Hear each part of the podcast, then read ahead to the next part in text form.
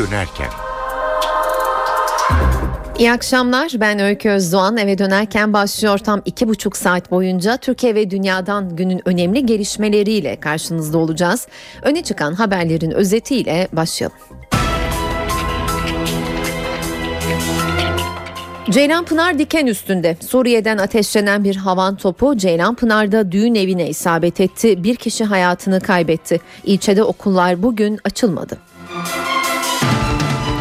İstanbul'un iki yakasını denizin altından bir araya getiren Marmaray yarın Cumhuriyet Bayramı'nda açılacak. Ulaştırma Bakanı Binali Yıldırım Marmaray'ın deprem anında evlerden daha güvenli olduğunu söyledi.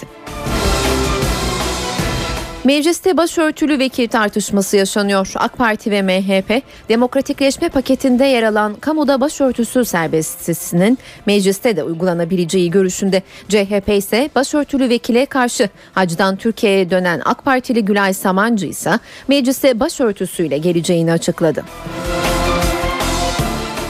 Ethem Sarısürük davasında katil zanlısı polisin ifadesi telekonferans yöntemiyle alınacak. Mahkeme savcının zanlı tutuklansın talebini de reddetti. Sanık avukatları tepkili. Mustafa Sarıgül CHP yolunda. Genel Başkan Kemal Kılıçdaroğlu Sarıgül'ün liderlik ettiği Türkiye Değişim Hareketi'ni bir kez daha CHP'ye katılmaya davet etti. Kılıçdaroğlu yerel seçimler için başlıca adaylık kriterinin oy getirisi olduğunu söyledi. Ölümünden 13 yıl sonra Ahmet Kaya'ya Cumhurbaşkanlığından ödül. Cumhurbaşkanlığı Kültür ve Sanat Büyük Ödülüne müzik dalında Ahmet Kaya layık görüldü. Çevre Bakanlığı'ndan rekor ceza. Bakanlık İzmir Gazi Emir'de radyoaktif atıkları toprağa gömüldüğü ileri sürülen kurşun fabrikasına 5.7 milyon liralık ceza kesti.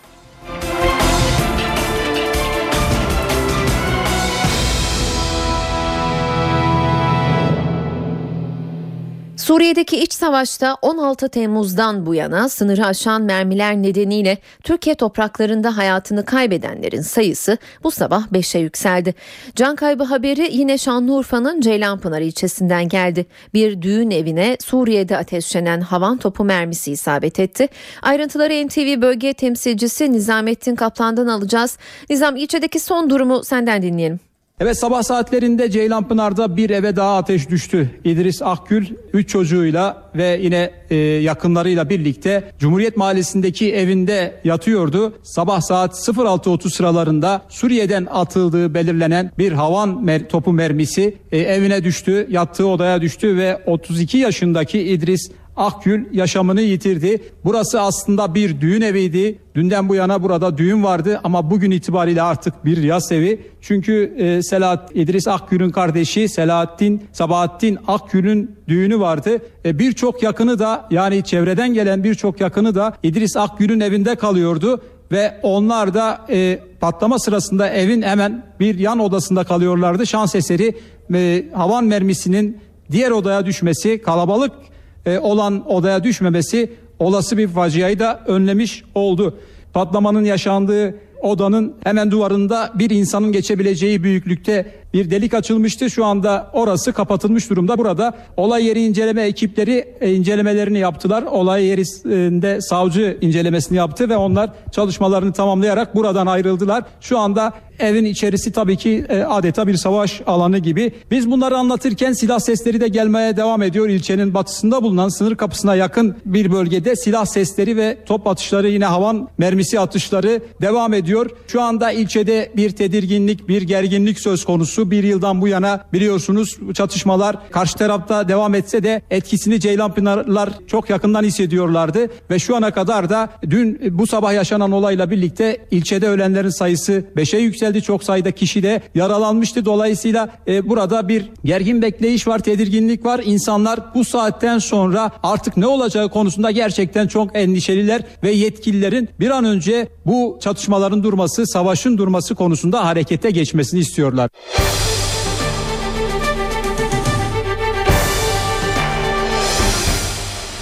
Balık tutmak için tekneyle açıldılar. Bir daha kendilerinden haber alınamadı. İstanbul'da Ömerli Baraj Gölü'nde cumartesi kaybolan iki kişi arama çalışmaları sürüyor. Arama çalışmalarındaki son durumu NTV muhabiri Özgür Yılmaz anlatıyor.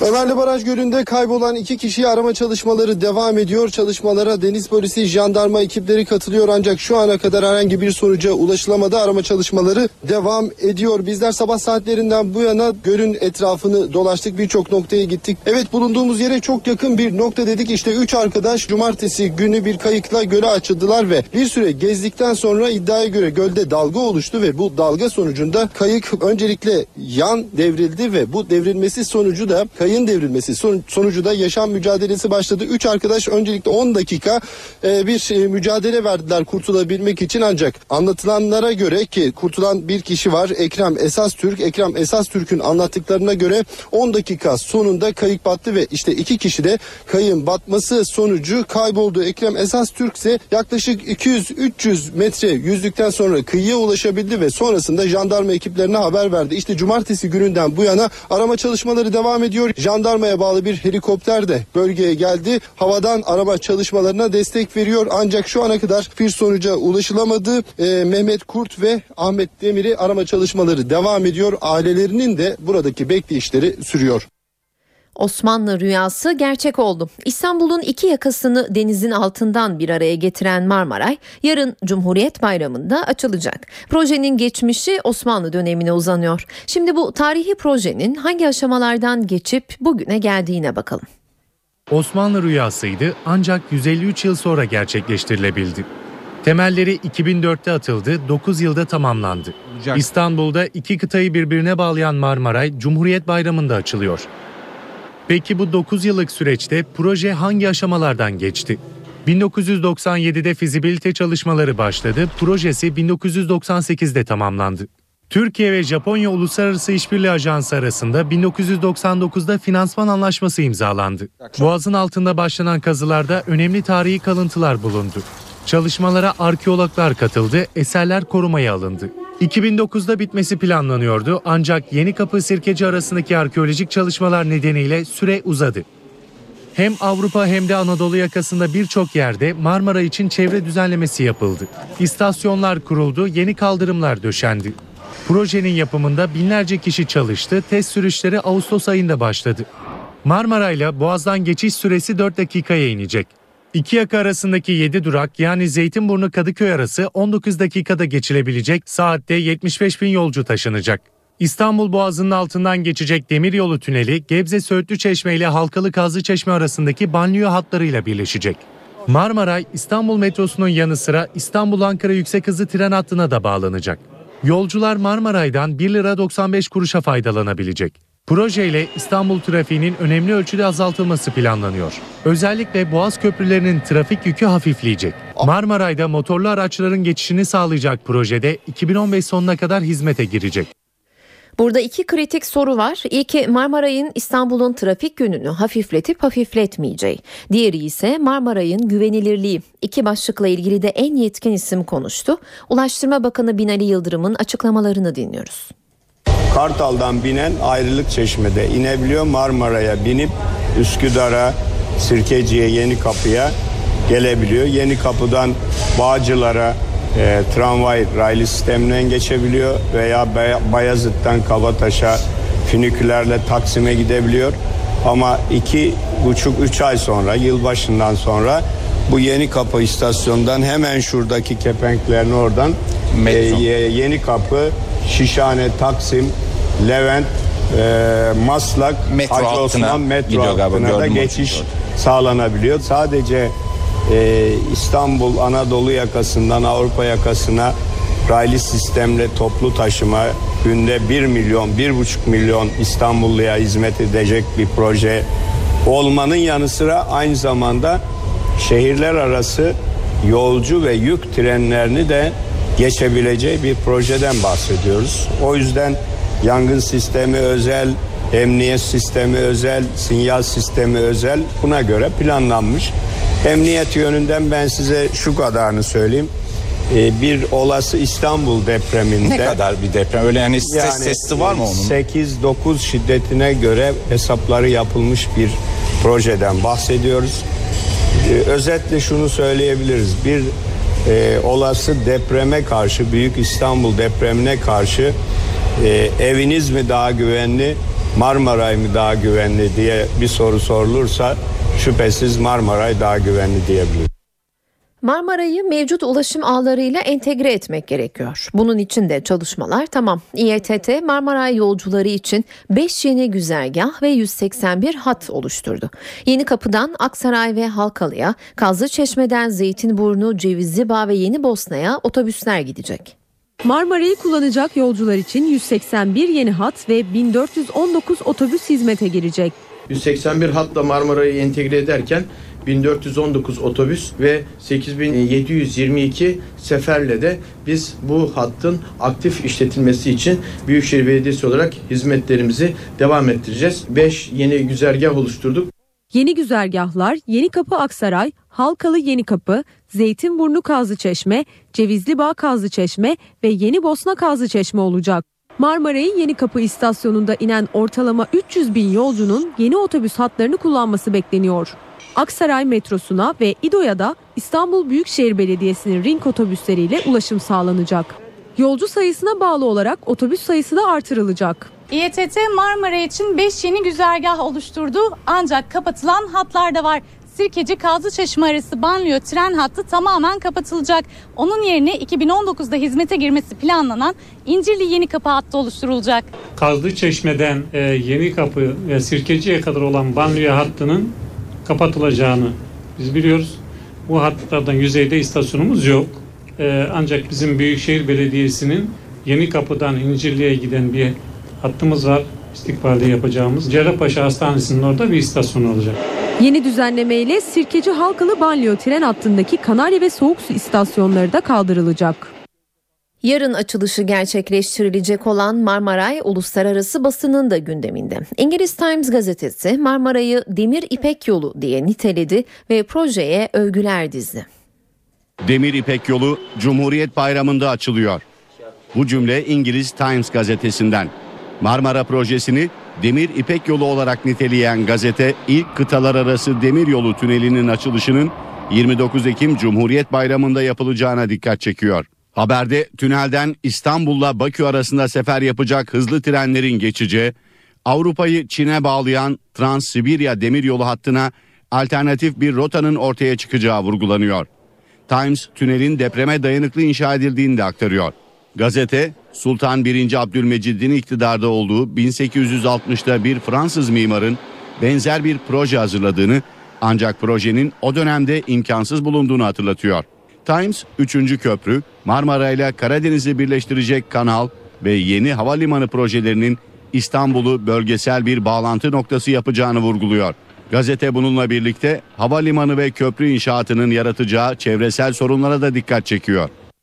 İstanbul Boğazı'nda bugün boş bir tanker arıza nedeniyle demir attı. Boğaziçi Köprüsü'nün altında duran gemiye kıyı emniyeti ekipleri hemen müdahale etti. Tankerin fiber optik kabloların olduğu bölgede demir atması nedeniyle kablolar zarar gördü. İstanbul Boğazı'nda tanker arıza yaptı, boğaz trafiğe kapandı. Fiber optik kabloların zarar görmesi, internet bağlantısında sorun oluşabileceği endişesi yarattı. Malta bandıralı GM Miranda tankeri boş olarak seyir halindeydi. 135 metrelik tanker Fatih Sultan Mehmet Köprüsü altından geçtiği sırada arızalandı. Tanker sürüklenmeye başladı. Bunun üzerine kaptan zorunlu olarak demir attı. Kıyı Emniyeti ve Deniz Polisi tankere müdahale etti. Tankerde kılavuz kaptan yoktu. Tanker fiber optik kabloların olduğu bölgede demir attı. Kablolar büyük hasar gördü. Hasar tespit çalışmasıyla internet bağlantısının zarar görüp görmediği belli olacak. İncelemelerin ardından tanker römorkörle tamir edileceği yere çekilecek. Çevre Bakanlığı'ndan İzmir Gazi Emir'de radyoaktif atıklarını toprağa gömen kurşun fabrikasına rekor ceza. Bakanlık fabrika ve arazi sahiplerine tam 5 milyon 700 bin liralık ceza kesti. 2010 yılından bu yana Türkiye Atom Enerji Kurumu'nun çalışma yaptığı arazide Bakanlık Müsteşar Yardımcısı Profesör Doktor Mehmet Emin Birpınar başkanlığında bir heyet inceleme yaptı. Bakanlık fabrika ve arazi sahiplerine tehlikeli atık yasasına muhalefetten 5 milyon milyon 700 bin liralık ceza kesti. Bununla birlikte gerekli çalışmalar yapılmadığı takdirde araziye de el konulacak. Saatler 17-19'u gösteriyor. Ben Öykü Özdoğan. Eve dönerken yeniden karşınızdayız. Şarkılarıyla, söylemleriyle Türkiye'de önemli bir yeri olan Ahmet Kaya'ya doğum gününde Çankaya Köşkü'nden büyük ödül verildi. Ahmet Kaya 42 yaşında doğduğu topraklardan sürgüne gitmek zorunda kaldı ve orada öldü. Sürgünde toprağa verildi. Onu vatan haini ilan edenler olsa da memleketinde şarkılarının dilden dile yayılması engellenemedi ve ölümünden 13 yıl sonra devletin en zirvesinden en büyük ödüle layık görüldü. Türkiye'nin popüler ve siyasi tarihine damgasını vuran isimlerden Ahmet Kaya yaşasaydı bugün 56. doğum gününü kutlayacaktı. Cumhurbaşkanlığı da bir jest yaptı. Ahmet Kaya'ya verdiği Cumhurbaşkanlığı Kültür ve Sanat Büyük Ödülünü doğum gününde açıkladı. Ahmet Kaya'nın müziği, yorumu ve söylemiyle farklı görüşlerden çok sayıda insanı bir araya getirdiği için bu ödüle layık görüldüğü duyuruldu. Ahmet Kaya büyük ödülü konuşacağız. Telefonda müzik piyasasında önemli bir yeri olan Kalan Müziğin sahibi Hasan Saltık var. Hasan Bey önce teşekkür ediyoruz yayınımıza katıldığınız için. İyi, iyi yayınlar. Ben teşekkür Teşekkürler. ediyorum. Ahmet Kaya'ya Cumhurbaşkanlığı büyük ödülü verildi. Bu haber size ne düşündürüyor? Valla nereden nereye yani e, aslında Ahmet Kaya'ya o saldırı olduğu dönemlerde basında olsun veya diğer sanatçılarda olsun o dönemde devlet sahip çıkmamıştı. Ee, olumlu bir gelişme, doğru da bir karar bana göre. Keşke o dönem biraz daha koruma içgüdüsüyle devlet bunu şey yapsaydı da sahiplenseydi de Ahmet Kaya ölmeseydi. Çünkü sürgünde öldü sonuçta. Ee, gene de olumlu bir karar olarak düşünüyorum. Yerinde bir karar. Geç kalınsa da. Ahmet abi sonuna kadar hak ediyordu. Ee, buna layık gören kurmada teşekkür ederim. Başka diyecek bir şey yok. Yani Peki. Tebessümle. Ee, Hasan Bey Ahmet Kaya'nın müziği için ne diyeceksiniz? Ee, Ahmet Kaya yani 12 Eylül darbesinden sonra o e, sol müzik dediğimiz şeyde yeni bir kendine göre besteleriyle söylem tarzıyla yeni bir kulvar açmıştı. Ee, o anlamıyla da önemli. Çünkü bir de Ahmet Kaya'yı her kesimden insan dinliyordu Türkiye'de geneline baktığınızda. Yani kendisi sol görüşlü olmakla beraber e, en çok sadece kesimin de dinlediğini biliyorduk. Yani Türkiye'nin genelini kucaklıyordu. E, bazıları ilk dönemde çıktığında biraz arabesk bulmuştu kendi müziğini. Ama ondan sonra bütün bunların da gizli gizli dinlendiğini biliyoruz. Yani sonuçta her tarafa hitap etti. Onu diyebilirim ben size. Peki Hasan Bey bu kadar sevilmesini siz de dile getirdiniz. Ee, sağcısı, solcusu, farklı kesimlerden herkesin severek dinlemesini nasıl yorumluyorsunuz? O, o seçtiği şiirler e, biliyorsunuz e, eşi Gülten'in kardeşi e, şiirlerini besteliyordu. E, Atilla İlhan'ın şiirleri, bir sürü şairin şiirleri. O Ahmet Kaya'nın okumadaki samimiyeti, e, hissiyatı şimdi aslında herkesime hitap ettiriyordu. O duygusunu herkesine verdiriyordu diye düşünüyorum. E, o samimiyet herkesin de sevilmesini sağladı. E, o duyguyu çok iyi şekilde veriyordu. E, o döneminde yapılan düzenleme teknikleriyle de e, iyiydi. Yeni bir kulvar açmıştı. E, o anlamıyla herkese çok sıcak geldi onu diyebilirim. Hı hı. Peki. Teşekkür ediyoruz Hasan Salt'a yayınımıza katıldığınız için. Kalan tamam. müziğin sahibi Hasan Saltık telefon hattımızdaydı. Sanat dünyasından kötü bir haber de verelim. Tiyatro sanatçısı Tomriz Oğuzalp hayatını kaybetti. Uzun süredir sağlık sorunları bulunan Tomriz Oğuzalp bu sabaha karşı evinde ölü bulundu. 1953 yılında Sarı Zeybek filmiyle sinemaya başlayan Oğuzalp, Ankara Devlet Tiyatrosu'nda oyuncu ve yönetici olarak çalıştı. Tomriz Oğuzalp aynı zamanda seslendirme sanatçısıydı. Sanatçının cenazesi bugün ikindi namazı sonrası kılınan cenaze namazının ardından Karacaahmet Mezarlığı'na defnedildi. NTV Radyo Başkentte gözler bugün Ankara Adliyesi'ndeydi. Gezi protestolarında polis kurşunuyla öldürülen Ethem Sarı Sürük davasının ikinci duruşması vardı. Beklendiği gibi geniş güvenlik önlemlerinin alındığı adliyede hem içeride hem dışarıda protesto ve polis müdahalesi vardı. Mahkeme Urfa'da bulunan sanık polisin ifadesinin telekonferans yöntemiyle alınmasına karar verdi. Tutuklama talebini ise reddetti. Ayrıntıları NTV muhabiri Gökhan Gerçek'ten alıyoruz. Ethem Sarısül'ün öldürülmesine ilişkin davanın ikinci duruşmasında da tansiyon hiç düşmedi. Duruşma salonunda alkış protesto. Ankara Adliyesi'nin dışında ise gruplara polisin müdahalesi vardı. Basınçlı su ve biber gazıyla. Sabah saatlerinden itibaren sosyal medya üzerinden e, haberleşen gruplar Ankara Adliyesi'nin önüne geldiler. Duruşma boyunca protesto gösterisinde bulundular. Ahmet Şahbaz'ın katil zanlısı polis memuru Ahmet Şahbaz'ın tutuklanma talebinin reddedilmesinin ardından salondaki tansiyon dışarıya sıçradı ve dışarıda bulunan gruplardan grupta bulunanlar insanlardan bazıları adliye içerisine girmek isteyince de polisin müdahalesi geldi. Yaklaşık 150 polis tarafından 5-6 e, dakika boyunca biber gazı ve basınçlı suyla e, protestocu gruba müdahale edildi. 5 yaralının olduğu elimizdeki bilgiler arasında yine müdahale sırasında 18 protestocu da gözaltına alındı. Duruşma salonunda neler yaşandı? Yine güvenlik ön plandaydı. Bu kez güvenliği jandarma sağladı. Mahkeme başkanının talebi üzerine yaklaşık 50 jandarma duruşma salonunun içinde ve dışında güvenliği sağladı. Ahmet Şahbaz katil zanlısı polis memuru Ahmet Şahbaz Urfa'ya tayin olduğu için mazeret bildirerek bugünkü duruşmaya katılmadı.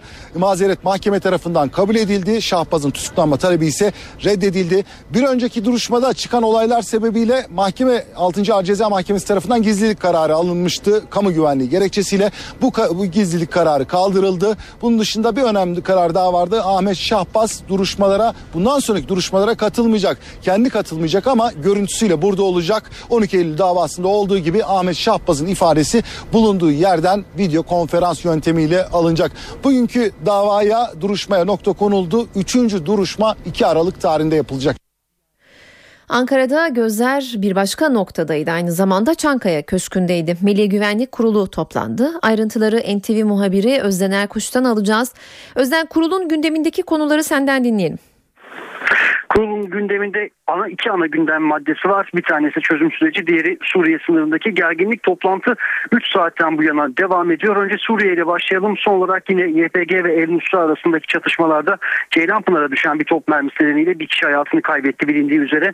Benzer şekilde Suriye sınırı boyunca çok sayıda silahlı grubun kendi arasındaki çatışmalar da sürüyor ve bu çatışmalar Türkiye'yi de etkiliyor. İşte sınır hattı boyunca alınan ve alınacak olan tedbirler masada bu toplantıda Türkiye'nin olası tehditlere karşı izleyeceği yol haritası elbette bölgeden gelen istihbarat raporları doğrultusunda bu toplantıda ele alınıyor. Öte yandan büyük gruplar halinde gerçekleşen kaçakçılık faaliyetleri de yine toplantının gündeminde olacak ve elbette tabii ki sayıları 600 bini aşan sığınmacıların durumu da bu toplantının ana gündemleri arasında yer alıyor. Gelelim çözüm sürecine. Çözüm süreci de toplantının önemli gündem maddelerinden biri. Geride bıraktığımız aylarda PKK militanlarının bir bölümü sınırın ötesine çekilmişlerdi ancak son dönemde hem Kandil'den hem de İmralı'dan çeşitli açıklamalar geliyor. Hem bu açıklamalar e, doğrultusunda hem de bölgeden gelen istihbarat raporları doğrultusunda bir değerlendirme yapılmasını bekliyoruz. Yine kurulun askeri kanadının özellikle Irak sınırındaki güvenlik tedbirleri ve iç güvenlik harekat bölgesindeki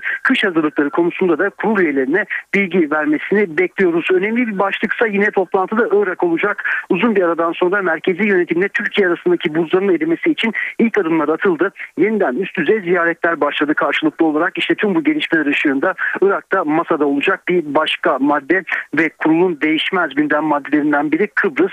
Ee, ama önemli gelişmeler de yaşanacak önümüzdeki günlerde garantör devlet temsilcilerinin karşılıklı olarak Atina ve Ankara'yı ziyaret etmesi bekleniyor. Kasım ayında Rum ve Türk taraflar arasında müzakerelerin başlaması da gündemde. Tüm bu gelişmeler Milli Güvenlik Kurulu toplantısında yaklaşık 3 saatten bu yana değerlendiriliyor. Önümüzdeki dakikalarda toplantının bitimiyle birlikte MGK kararlarına ilişkin de bir yazılı açıklama yapılması bekleniyor Öykü. Özden teşekkürler.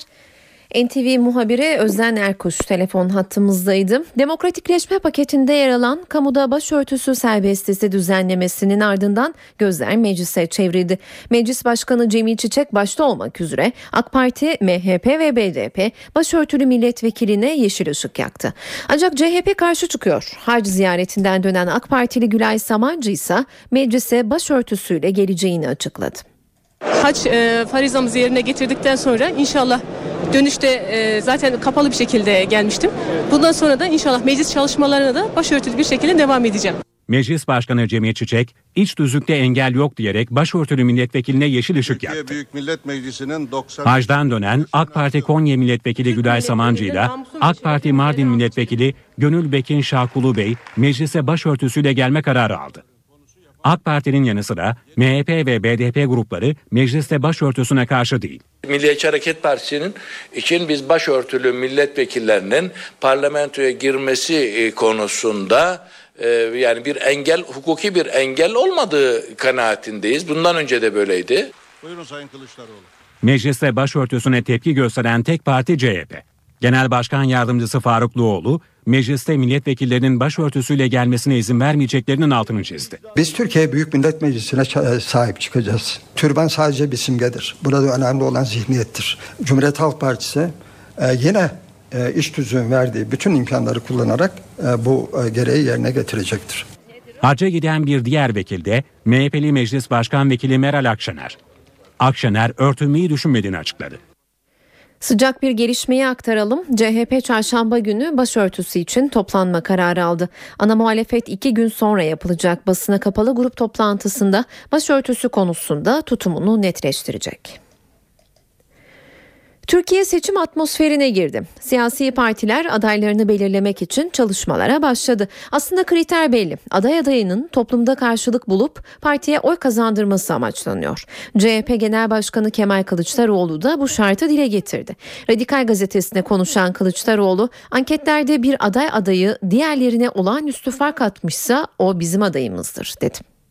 CHP Genel Başkanı Kemal Kılıçdaroğlu, Şişli Belediye Başkanı Mustafa Sarıgül'ü bir kez daha CHP'ye davet etti. Radikal gazetesine konuşan CHP lideri bölünme lüksümüz yok mesajı verdi. Sarıgül başarılı ve sosyal demokrat biri ama CHP üyesi olmadığı için çok fazla yorum yapma hakkım yok. Bizim bölünme lüksümüz yok. Sadece Sarıgül için demiyorum. Türkiye Değişim Hareketi'yle de güçlerimizi birleştirmeliyiz. Kemal Kılıçdaroğlu son yerel seçimde İstanbul Büyükşehir Belediye Başkanlığı'na aday olduğunu hatırlattı. İstanbul için istediği aday kriterlerini anlattı. CHP lideri benim aldığım oyun üstüne çıkmak yetmez. Kazanacak adayı istiyorum dedi. Kılıçdaroğlu partisinin yerel seçim çalışmalarını değerlendirdi. Aday belirleme yöntemini anlattı. Anketlerde rakiplerine fark atanların belediye başkan adayı olarak belirlemekten yana olduğunu söyledi. 5 kişilik bir komisyon kurduk. Her biri seçim çevresini tek tek ele alıyor. Verdiğim talimat şu. En çok oyu alacak adayla yola çıkacağız. Buna göre her aday adayı için çalışma yapılıyor. Sonuçlar MYK'ya geliyor ve aday belirleniyor. İçişleri Bakanı Muammer Güler'in valiliklere PKK'nın eylemleri hakkında bir genelge gönderdiği ortaya çıktı. Güler Kurban Bayramı öncesinde yayımladığı gizli ibareli genelgede PKK'nın bölgede huzursuzluk yaratan eylemlerine karşı yasal işlem yapılmasını istedi. İçişleri Bakanı Muammer Güler, vadilere çok gizli bir genelge gönderdi. PKK'nın başta para toplama olmak üzere tüm eylemlerinin engellenmesini istedi. Genelge Kurban Bayramı'ndan hemen önce gönderildi. Bölücü terör örgütünün devam eden süreçte bölgede psikolojik alan hakimiyeti tesis etmek, devlet otoritesinde zafiyet yaratmak, vatandaşın üzerinde korku ve baskı oluşturmak, bölgeye yönelik yatırımlar ve kamu hizmetlerini önlemeye çalıştığı bu çerçevede yol kesme, araç yakma, adam kaçırma eylemleri yaptığı görülmektedir. Genelgede PKK'nın koruculardan maaşlarını istediği, yaz döneminde bölge genelinde piknik ve festival adı altında para topladığı, iş adamlarından tehdit ve şantajla para aldığı ve uyuşturucu madde ekimi yaptığına dikkat çekildi. Güler bu tür eylemlerin engellenmesi amacıyla adi makamlarla koordineli bir şekilde yasal işlem başlatılmasını istedi. Eski Genelkurmay Başkanı Başbuğ cezaevinden Bahtiyar Aydın'ın ölümüyle ilgili hakkındaki iddialara yanıt verdi. Lice'de çatışma sırasında şehit olan Tuğgeneral Bahtiyar Aydın'ın kasıtlı olarak ölüme gönderildiğini iddia edilmişti. Başbuğ'un avukatı İlkay Sezer iddiaları kara propaganda olarak niteledi. Müvekkilinin kasıtlı olarak töhmet altında bırakıldığını savundu. Lice'de 22 Ekim 1993'te meydana gelen ve Diyarbakır Jandarma Bölge Komutanı Tuğgeneral Bahtiyar Aydın'ın ölümüyle sonuçlanan olaylara ilişkin eski Genelkurmay Başkanı İlker Başbuğ'un avukatı İlkay Sezer'den açıklama geldi. Sezer, Aydınların şehit edildiği olayın kurgu olduğu ve emri Başbuğ'un verdiği yönündeki iddiaları yalanladı. Başbuğ'un hayati tehlikeyi göze alarak Lice'ye gittiğini hatırlattı. Olay sırasında Şenyayla bölgesinde devam eden operasyonu takip eden müvekkilim İlker Başbuğ, Tuğgeneral Bahtiyar Aydın'ın vurulduğunu öğrenince Lice'ye geçmiştir. Helikopter yoğun ateş altında güçlükle çatışma bölgesine inebilmiştir. Kor General Hasan Kundakçı ve o dönemde tüm general olan müvekkilim ateş altında sıçrayarak en yakın mevziye girebilmişlerdir. İddiaların karalama kampanyası olduğunu belirten İlkay Sezer, Başbuğ'un kasıtlı olarak Bahtiyar Aydın'ı ölüme gönderen kişi olarak gösterilmeye çalışıldığını vurguladı. Sezer mahkemelerin tavrını da sert bir dille eleştirdi. Mahkemeler eli kanlı teröristlerin ayağına kadar giderek günlerce tanık olarak ifadesine başvururken huzuruna gelen eski Genelkurmay Başkanı ve değerli Türk ordusu mensuplarını yasaları çiğneyerek dinlememektedir. Bu uygulamalarla belki mahkemelerde belirli bir mesafe alınabilir ancak Türk kamuoyunu inandıracak ve vicdanen kabul edilecek sonuçlara ulaşılamaz.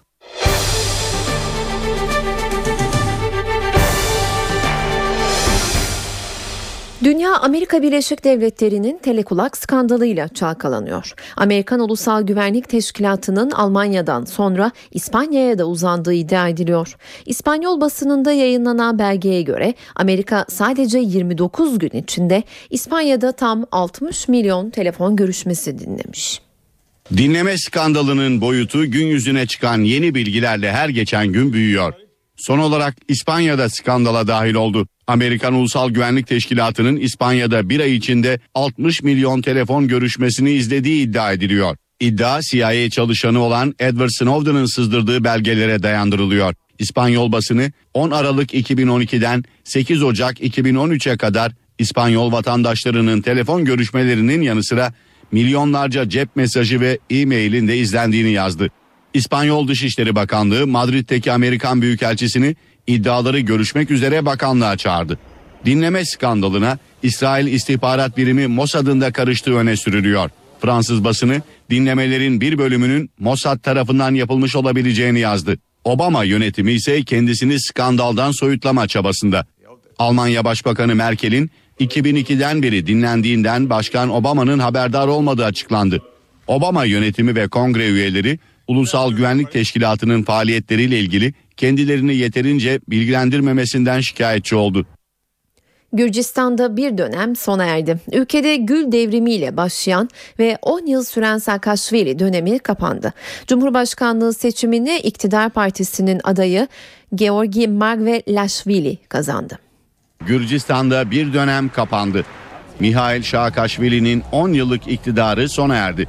İktidardaki Gürcistan Rüyası Partisi'nin adayı Georgi Margvelashvili ülkenin yeni cumhurbaşkanı oldu. 44 yaşındaki Margvelashvili'nin seçilmesinde Başbakan Bidzina Ivanishvili'nin desteği etkili oldu. Benim için çok önemli biri olan dostum Bidzina Ivanishvili'ye teşekkür etmek istiyorum. Böylece başbakanlığın ardından Cumhurbaşkanlığını da elde eden Gürcistan Rüyası Partisi'nin iktidarı güçlenmiş oldu. 5 milyar 300 milyon dolarlık servetiyle ülkenin en zengin ve güçlü adamı olan Başbakan Ivanishvili, Şahakaşvili döneminin son bulmasıyla siyasetteki hedeflerini gerçekleştirdiğini söyledi. Önümüzdeki ay başbakanlıktan istifa edeceğini duyurdu. 10 yıllık iktidarında ekonomik reformları gerçekleştiren ve demokrasiyi güçlendiren Mihail Şahakaşvili ise zor günler bekliyor. Şahakaşvili'nin 2008'de Rusya ile 5 gün süren savaş ve 2005 yılında hayatını kaybeden eski başbakanlardan Zurab Zvaniya'nın ölümü nedeniyle yargılanabileceği belirtiliyor. Rock müziğin önde gelen söz yazarlarından müzisyen Lou Reed 71 yaşında hayata veda etti. Gitar çalma tekniği, vokali ve besteleriyle özgün bir müzisyen olan Reed Türkiye'de de konser vermişti. Var olmayan şeyler yapmak beni tatmin ediyor. Ben hep tutkunun peşinden giderim. Bu sözler rock müziğin efsane ismi Amerikalı şarkıcı, gitarist ve söz yazarı Lou Reed'e ait. Ünlü şarkıcı Lou Reed 71 yaşında hayatını kaybetti. Reed'e yılın başında karaciğer nakli yapılmıştı. Ancak sanatçının sağlık durumu bir süredir iyi değildi. Reed 60'lı yılların ünlü müzik gruplarından Velvet Underground'un lideriydi. Grup sanatçı Andy Warhol'un desteğiyle ünlendi. Ancak Reed daha sonra kariyerine tek başına devam etti. Lou Reed, rock müziğin son 50 yılına damgasını vuran en önemli isimlerden biriydi. Perfect Day adlı şarkısıyla kariyerinin zirvesine ulaştı. Gitar çalma yeteneği, vokali ve besteleriyle özgün bir müzisyen olan Reed, Türkiye'ye de gelerek konser vermişti.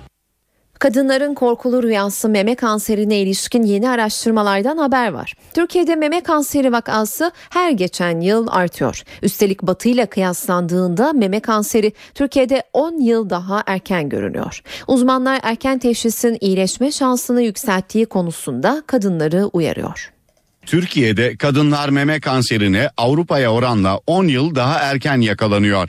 7500 kadın üzerinde yapılan araştırmada Avrupa'da 61-62 olan meme kanserine yakalanma yaşının Türkiye'de 51-52 olduğu ortaya çıktı.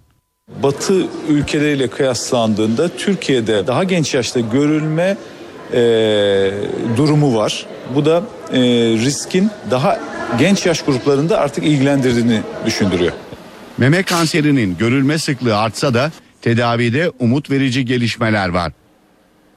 Herkes en azından iyi kötü bir mamografi e, nedir ne demek onu duydu. İkincisi tedavi çok şek e, gelişti, çeşitlendi. Meme kanserine bağlı ölümlerde çok ciddi düşüşler var. Erken evrede yakalanmak şartıyla e, tamamen kür yani iyileşme sağlama şansımız var. Uzmanlar meme kanserinde farkındalığı artırmak için ayda 3 dakikanızı ayırarak yaşamınızı uzatın sloganını benimsedi. Her kadın mutlaka e, ayda bir 20 yaşından itibaren üstelik kendi kendisine meme muayenesi yapması gerekiyor.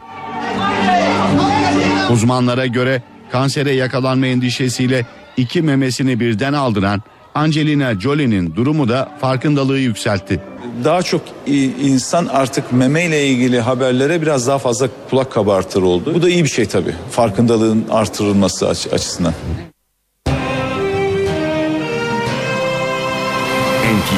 Radyo Kültür sanatla devam edelim eve dönerken günün etkinliklerinden öneriler var sırada. Kadıköy sahnede bu akşam Yasemin Mori dinlenebilir. Sanatçı sevilen şarkılarıyla saat 22'de sahnede olacak. İstanbul Arabesk Project ise Jolly Joker İstanbul'da olacak hayranları için. İstanbul Arabesk Project saat 21'de başlıyor. Zift ise Beyoğlu Hayal Kahvesi'nde müzikseverlerle bir araya geliyor. Performans başlama saatinin 22.30 olduğunu hatırlatalım. Bulutsuzluk Özlemi de Ankaralı hayranları için bir konser verecek bu akşam. Türkçe sözlü rock müziğin öncüsü Bulutsuzluk Özlemi saat 21'de başlayacak konserine. Performans mekanı ise If Performance Hall. Oğuzhan Uğur da Ankara'da olacak bu akşam. Uğur saat 20'de Jolly Joker Ankara'da hayranlarıyla bir araya geliyor. Ankaralı tiyatro severler için de bir önerimiz var. Sanat adlı oyun sahneye konuyor bu akşam Ankara'da. Eğlenceli, hareketli ve seyirciyi şaşırtan oyuna Ankara Çay Yolu Cüneyt Gökçer sahnesi ev sahipliği yapıyor. Ünlü Fransız yazar Yasmina Reza'nın kaleme aldığı, Gencay Gürü'nün Türkçe'ye çevirdiği oyun arkadaşlık sanatı üzerine yazılmış, ironik, eğlenceli ve düşündürücü bir oyun. Oyunun yönetmeni ise Atilla Şendil. Oyuncu kadrosunda Bekir Aksoy, Hakan Gerçek ve Rüzgar Aksoy'un yer aldığı oyunun saat 20'de başladığını ekleyelim. Bu akşam evdeyseniz saat 22'de CNBC'de Mad Men, 23'te ise Vikings izlenebilir. Star TV'de ise saat 20'de O Ses Türkiye ekrana gelecek. Saat 18 ben Öykü Özdoğan yeni saate günün öne çıkan özetleriyle başlıyoruz. Ceylanpınar diken üstünde Suriye'den ateşlenen bir hava topu Ceylanpınar'da düğün evine isabet etti. Bir kişi hayatını kaybetti. İlçede okullar bugün açılmadı. İstanbul'un iki yakasını denizin altından bir araya getiren Marmaray yarın Cumhuriyet Bayramı'nda açılacak. Ulaştırma Bakanı Binali Yıldırım Marmaray'ın deprem anında evlerden daha güvenli olduğunu söyledi. Mecliste başörtülü vekil tartışması yaşanıyor. AK Parti ve MHP demokratikleşme paketinde yer alan kamuda başörtüsü serbestisinin mecliste de uygulanabileceği görüşünde. CHP ise başörtülü vekile karşı. Hacdan Türkiye'ye dönen AK Partili Gülay Samancı meclise başörtüsüyle geleceğini açıkladı. Etem Sarısülük davasında katil zanlısı polisin ifadesi telekonferans yöntemiyle alınacak. Mahkeme savcının zanlı tutuklansın talebini de reddetti. Sanık avukatları tepkili. Ölümünden 13 yıl sonra Ahmet Kaya'ya Cumhurbaşkanlığından ödül, Cumhurbaşkanlığı Kültür ve Sanat Büyük Ödülüne müzik dalında Ahmet Kaya layık görüldü. Çevre Bakanlığı'ndan rekor ceza. Bakanlık İzmir Gazi Emir'de radyoaktif atıkları toprağa gömüldüğü ileri sürülen kurşun fabrikasına 5.7 milyon liralık ceza kesti.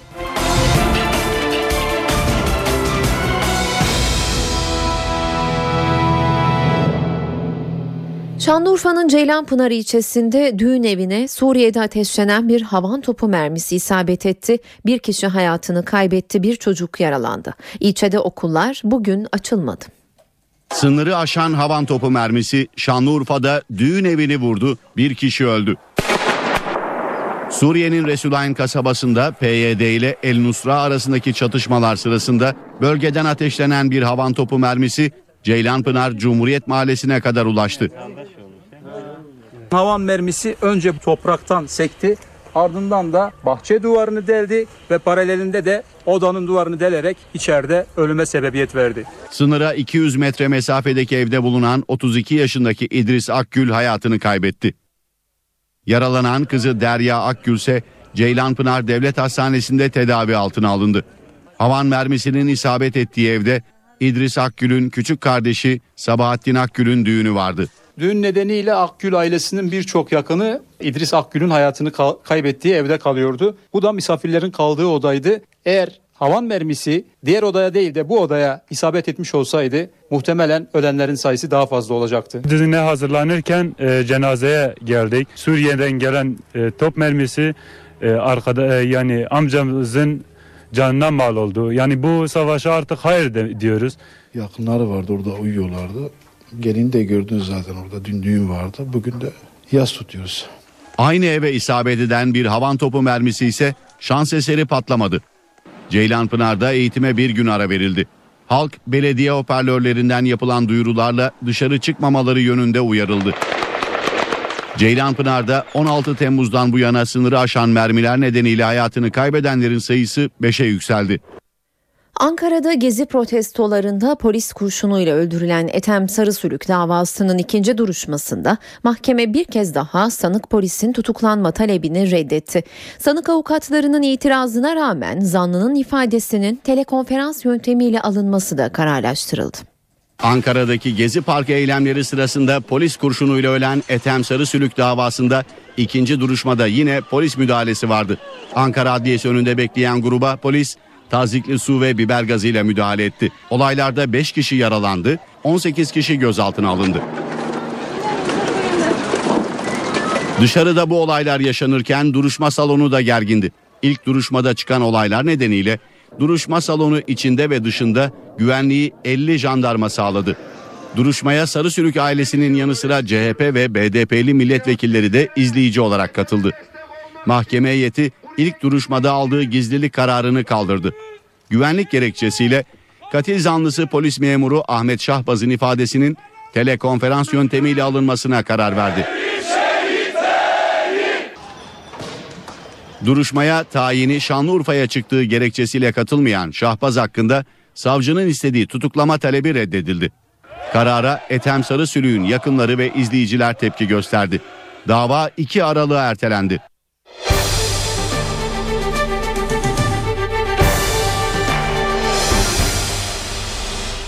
İstanbul'da aylar sonra yeniden palalı bir saldırgan öldü, görüldü. Küçükçekmece'de arasında husumet olduğu mağaza çalışanını tartaklamak için iş yerine giden palalı genç dehşet saçtı.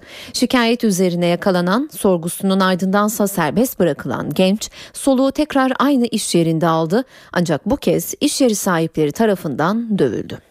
İstanbul Küçükçekmece Çarşısı kalabalık bir genci dövüyor. Tartaklanan, kovalanan genç mahallede Palalı Barış olarak biliniyor. Aslında bu kavganın geçmişinde eski bir husumet yatıyor. Bu olaydan önce Barış K ile mağaza çalışanı Gökhan Akbaş arasında husumet vardı. Barış K, Akbaş'ı bulmak için mağazaya gitti. Bulamayınca da hırsını etrafındakilerden çıkardı. Mağaza sahibinin oğlu Hikmet Doğanay'ı yaraladı ve mağazayı dağıttı. Müşteriler korkuyla dışarı kaçtı. Adam buraya girmemiş olsa, kendini burada saklamamış olsa adam şu anda ölmüş olacak. Şikayet üzerine saldırgan yakalandı. Sorgusunun ardından serbest bırakıldı. Serbest kalınca da tekrar aynı iş yerine gitti ve mağaza sahibi Bahrem Doğanay Barış K'yı dövmeye başladı. Araya çevredekilerin girmesiyle olay büyümeden son buldu.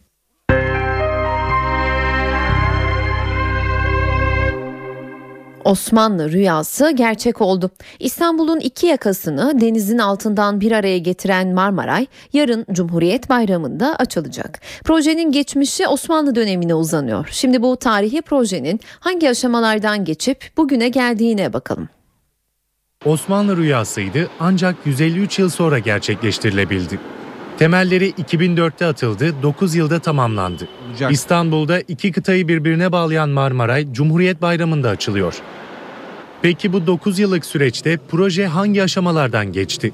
1997'de fizibilite çalışmaları başladı, projesi 1998'de tamamlandı. Türkiye ve Japonya Uluslararası İşbirliği Ajansı arasında 1999'da finansman anlaşması imzalandı. Boğazın altında başlanan kazılarda önemli tarihi kalıntılar bulundu. Çalışmalara arkeologlar katıldı, eserler korumaya alındı. 2009'da bitmesi planlanıyordu ancak Yeni Kapı Sirkeci arasındaki arkeolojik çalışmalar nedeniyle süre uzadı. Hem Avrupa hem de Anadolu yakasında birçok yerde Marmara için çevre düzenlemesi yapıldı. İstasyonlar kuruldu, yeni kaldırımlar döşendi. Projenin yapımında binlerce kişi çalıştı, test sürüşleri Ağustos ayında başladı. Marmara ile Boğaz'dan geçiş süresi 4 dakikaya inecek. İki yaka arasındaki 7 durak yani Zeytinburnu Kadıköy arası 19 dakikada geçilebilecek saatte 75 bin yolcu taşınacak. İstanbul Boğazı'nın altından geçecek demiryolu tüneli Gebze Söğütlü Çeşme ile Halkalı Kazlı Çeşme arasındaki banliyö hatlarıyla birleşecek. Marmaray İstanbul metrosunun yanı sıra İstanbul-Ankara yüksek hızlı tren hattına da bağlanacak. Yolcular Marmaray'dan 1 lira 95 kuruşa faydalanabilecek. Projeyle İstanbul trafiğinin önemli ölçüde azaltılması planlanıyor. Özellikle Boğaz köprülerinin trafik yükü hafifleyecek. Marmaray'da motorlu araçların geçişini sağlayacak projede 2015 sonuna kadar hizmete girecek. Burada iki kritik soru var. İlki Marmaray'ın İstanbul'un trafik yükünü hafifletip hafifletmeyeceği, diğeri ise Marmaray'ın güvenilirliği. İki başlıkla ilgili de en yetkin isim konuştu. Ulaştırma Bakanı Binali Yıldırım'ın açıklamalarını dinliyoruz. Kartal'dan binen ayrılık çeşmede inebiliyor. Marmara'ya binip Üsküdar'a, Sirkeci'ye, Yeni Kapı'ya gelebiliyor. Yeni Kapı'dan Bağcılar'a e, tramvay raylı sisteminden geçebiliyor veya Bayazıt'tan Kabataş'a fünikülerle Taksim'e gidebiliyor. Ama iki buçuk üç ay sonra yılbaşından sonra bu Yeni Kapı istasyondan hemen şuradaki kepenklerin oradan e, Yeni Kapı, Şişhane, Taksim, Levent, e, Maslak, metro Hacı hattına Osman metro hattına da geçiş sağlanabiliyor. Sadece e, İstanbul Anadolu yakasından Avrupa yakasına raylı sistemle toplu taşıma günde 1 milyon, 1,5 milyon İstanbulluya hizmet edecek bir proje olmanın yanı sıra aynı zamanda şehirler arası yolcu ve yük trenlerini de geçebileceği bir projeden bahsediyoruz. O yüzden yangın sistemi özel, emniyet sistemi özel, sinyal sistemi özel buna göre planlanmış. Emniyet yönünden ben size şu kadarını söyleyeyim. Ee, bir olası İstanbul depreminde ne kadar bir deprem öyle yani ses yani, sesi var mı onun? 8-9 şiddetine göre hesapları yapılmış bir projeden bahsediyoruz. Ee, özetle şunu söyleyebiliriz. Bir e, olası depreme karşı Büyük İstanbul depremine karşı e, eviniz mi daha güvenli Marmaray mı daha güvenli diye bir soru sorulursa şüphesiz Marmaray daha güvenli diyebiliriz. Marmaray'ı mevcut ulaşım ağları ile entegre etmek gerekiyor. Bunun için de çalışmalar tamam. İETT Marmaray yolcuları için 5 yeni güzergah ve 181 hat oluşturdu. Yeni Kapı'dan Aksaray ve Halkalı'ya, Kazlıçeşme'den Zeytinburnu, Cevizlibağ ve Yeni Bosna'ya otobüsler gidecek. Marmaray'ı kullanacak yolcular için 181 yeni hat ve 1419 otobüs hizmete girecek. 181 hatla Marmara'yı entegre ederken 1419 otobüs ve 8722 seferle de biz bu hattın aktif işletilmesi için Büyükşehir Belediyesi olarak hizmetlerimizi devam ettireceğiz. 5 yeni güzergah oluşturduk. Yeni güzergahlar Yeni Kapı Aksaray, Halkalı Yeni Kapı, Zeytinburnu Kazlı Çeşme, Cevizli Bağ Kazlı Çeşme ve Yeni Bosna Kazlı Çeşme olacak. Marmaray'ın Yeni Kapı istasyonunda inen ortalama 300 bin yolcunun yeni otobüs hatlarını kullanması bekleniyor. Aksaray metrosuna ve İDO'ya da İstanbul Büyükşehir Belediyesi'nin ring otobüsleriyle ulaşım sağlanacak. Yolcu sayısına bağlı olarak otobüs sayısı da artırılacak. İETT Marmara için 5 yeni güzergah oluşturdu ancak kapatılan hatlar da var. Sirkeci Kazlıçeşme arası banliyö tren hattı tamamen kapatılacak. Onun yerine 2019'da hizmete girmesi planlanan İncirli Yeni Kapı hattı oluşturulacak. Kazlıçeşme'den e, Yeni Kapı ve Sirkeci'ye kadar olan banliyö hattının kapatılacağını biz biliyoruz. Bu hatlardan yüzeyde istasyonumuz yok. E, ancak bizim Büyükşehir Belediyesi'nin Yeni Kapı'dan İncirli'ye giden bir hattımız var. İstikbalde yapacağımız. Cerrahpaşa Hastanesi'nin orada bir istasyon olacak. Yeni düzenlemeyle Sirkeci Halkalı Banliyö tren hattındaki Kanarya ve Soğuk Su istasyonları da kaldırılacak. İstanbul Boğazı'nda tanker arıza yaptı, Boğaz trafiğe kapandı. Fiber optik kablolarının zarar görmesi internet bağlantısında sorun oluşabileceği endişesi yarattı. Malta bandıralı Miranda tankeri boş olarak seyir halindeydi. 135 metrelik tanker Fatih Sultan Mehmet Köprüsü altından geçtiği sırada makine arızası yaptı. Tanker sürüklenmeye başladı. Bunun üzerine kaptan zorunlu olarak demir attı. Kıyı Emniyeti ve Deniz Polisi tankere müdahale etti. Tankerde kılavuz kaptan yoktu. Tanker kablolarının olduğu bölgede demir attığı için 3 fiber optik kablodan biri koptu, ikisi ağır hasar aldı. İncelemelerin ardından tanker römorkörle Kumkapı'ya çekildi. Boğaz trafiği normale döndü. Saat 18.19 gelişmeleri aktarmaya devam ediyoruz. Milli Güvenlik Kurulu toplantısı sona erdi. Yapılan yazılı açıklamaya bakarak MGK'nın ana gündem maddesinin Suriye krizi olduğunu söyleyebiliriz. Bildiride Suriye'de süre giden çatışma ortamının bölge ve ülke güvenliği açısından oluşturduğu tehditler, bunlara karşı alınan tedbirlerle ihtilafın sona erdirilmesi için yürütülen uluslararası çabaların gözden geçirildiği belirtildi. Açıklamada halkımızın huzur ve güvenliğini temin amacıyla yürütülen faaliyetler görüşülmüş, bu kapsamda ilave olarak yapılması gereken tedbirler değerlendirilmiştir ifadelerine yer verildi. Demokratikleşme paketinde yer alan kamuda başörtüsü serbestisi düzenlemesinin ardından gözler meclise çevrildi. Meclis Başkanı Cemil Çiçek başta olmak üzere AK Parti, MHP ve BDP başörtülü milletvekiline yeşil ışık yaktı. Bir tek CHP itiraz etti. CHP bu konuyu görüşmek için çarşamba günü olağanüstü grup toplantısı yapacak. Hac ziyaretinden dönen AK Partili Gülay Samancı ise meclise başörtüsüyle geleceğini açıkladı. İçişleri Bakanı Muammer Güler'in valiliklere PKK'nın eylemleri hakkında bir genelge gönderdiği ortaya çıktı. Güler, Kurban Bayramı öncesinde yayımladığı gizli ibareli genelgede PKK'nın bölgede huzursuzluk yaratan eylemlerine karşı yasal işlem yapılmasını istedi. İçişleri Bakanı Muammer Güler, vadilere çok gizli bir genelge gönderdi. PKK'nın başta para toplam olmak üzere tüm eylemlerinin engellenmesini istedi. Genelge Kurban Bayramı'ndan hemen önce gönderildi. Bölücü terör örgütünün devam eden süreçte bölgede psikolojik alan hakimiyeti tesis etmek, devlet otoritesinde zafiyet yaratmak, vatandaşın üzerinde korku ve baskı oluşturmak, bölgeye yönelik yatırımlar ve kamu hizmetlerini önlemeye çalıştığı, bu çerçevede yol kesme, araç yakma, adam kaçırma eylemleri yaptığı görülmektedir. Genelgede PKK'nın koruculardan maaşlarını istediği, yaz döneminde bölge genelinde piknik ve festival adı altında para topladığı, iş adamlarından tehdit ve şantajla para aldığı ve uyuşturucu madde ekimi yaptığına dikkat çekildi. Güler bu tür eylemlerin engellenmesi amacıyla adi makamlarla koordineli bir şekilde yasal işlem başlatılmasını istedi. NTV Radyo Şarkılarıyla, söylemleriyle Türkiye'de önemli bir yeri olan Ahmet Kaya'ya doğum gününde Çankaya Köşkü'nden büyük ödül verildi. Ahmet Kaya 42 yaşında doğduğu topraklardan sürgüne gitmek zorunda kaldı ve orada öldü, sürgünde toprağa verildi. Onu vatan haini ilan edenler olsa da memleketinde şarkılarının dilden dile yayılması engellenemedi. Ve ölümünden tam 13 yıl sonra devletin en zirvesinden en büyük ödüle layık görüldü. Türk Türkiye'nin popüler ve siyasi tarihine damgasını vuran isimlerden Ahmet Kaya yaşasaydı bugün 56. doğum gününü kutlayacaktı. Cumhurbaşkanlığı da bir jest yaptı. Ahmet Kaya'ya verdiği Cumhurbaşkanlığı Kültür ve Sanat Büyük Ödülünü doğum gününde açıkladı. Ahmet Kaya'nın müziği, yorumu ve söylemiyle farklı görüşlerden çok sayıda insanı bir araya getirdiği için bu ödüle layık görüldüğü duyuruldu. Sanat dünyasından bir de kötü haber verelim. Tiyatro sanatçısı Tomris Oğuzalp hayatını kaybetti. Uzun süredir sağlık sorunları bulunan Tomris Oğuzalp bu sabaha karşı evinde ölü bulundu. 1953 yılında Sarı Zeybek filmiyle sinemaya başlayan Oğuzalp Ankara Devlet Tiyatrosu'nda oyuncu ve yönetici olarak çalıştı.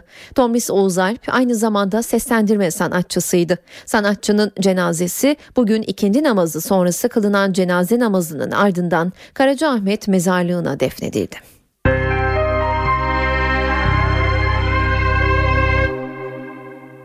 Kuzey Irak Bölgesel Yönetimi Başkanı Neçirvan Barzani'nin bu hafta Türkiye'ye gelmesi bekleniyor. Barzani Başbakanlığın daveti üzerine Ankara'ya gelecek. Barzani'nin Başbakan Erdoğan ve Dışişleri Bakanı Ahmet Davutoğlu ile görüşmesi gündemde ancak ziyaretin tarihi henüz netleşmedi.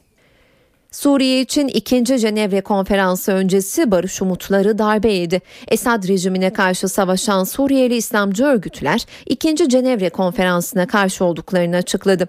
22 örgütün imza attığı bildiride Esad yönetiminin askeri ve güvenlik yapısıyla birlikte tasfiye edilmesi istendi. Bu yönde bir kararın alınmaması halinde Suriye krizine barışçıl çözümü hedefleyen ikinci Cenevre konferansından çıkacak sonucun kabul edilmeyeceği vurgulandı.